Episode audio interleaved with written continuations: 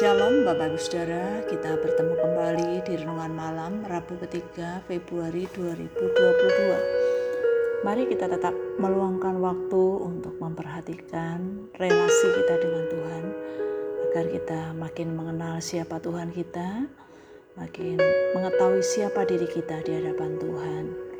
Sebelumnya kita berdoa mohon pertolongan Tuhan. Kami bersyukur ya Tuhan oleh karena anugerah Tuhan kami dimampukan untuk melewati kehidupan sepanjang hari ini.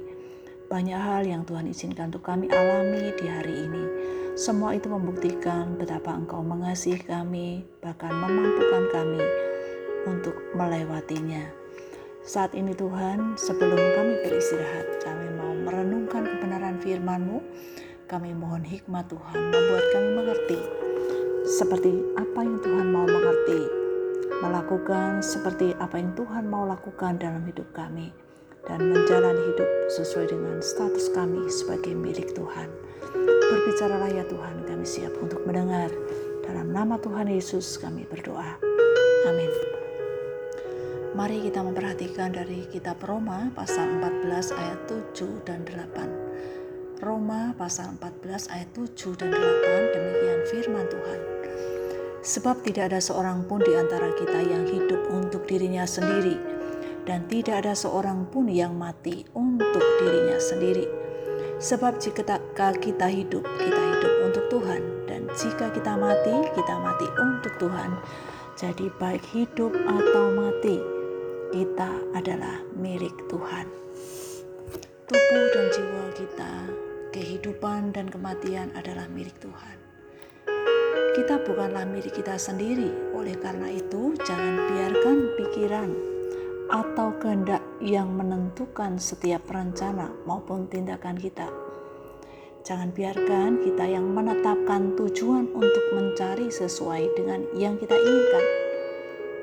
Kita adalah milik Tuhan, biarkan pimpinan kehendaknya yang menguasai hidup kita. Biarkan tujuan hidup kita mengarah kepadanya sesuai dengan rencananya, menyerahkan sepenuhnya kepada Tuhan. Prinsip dalam menjalani kehidupan sebagai anak-anak Tuhan adalah hidup bukan untuk menyenangkan diri sendiri, tetapi untuk menyenangkan Tuhan, karena kita adalah miliknya. Oleh karena itu, kita bersandar sepenuhnya pada firman Tuhan.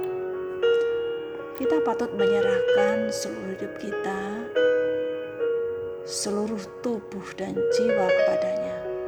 Kita percaya kepada Allah pada saat kekurangan atau kelimpahan, ketika sehat maupun sakit, dalam hidup saat ini maupun di masa yang akan datang. Kita diselamatkan oleh kasih karunia, oleh anugerah Allah, maka tidak ada yang tidak dapat Allah minta dari kita. Hidup kita adalah milik Tuhan.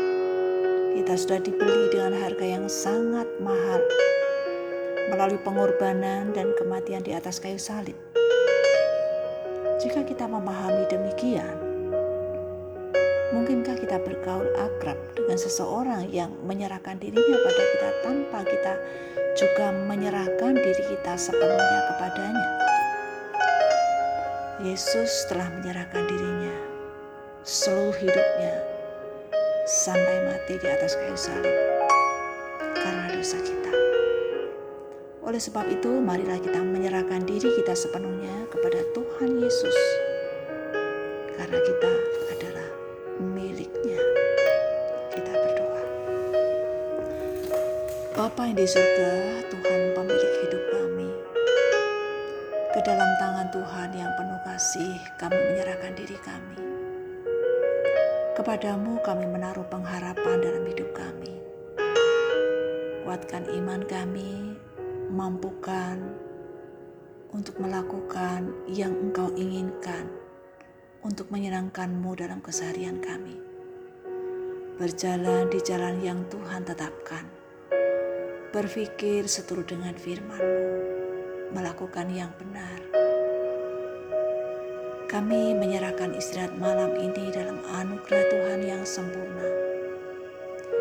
Kami percaya kasih setia Tuhan, perlindungan, kebaikan Tuhan senantiasa akan rasakan.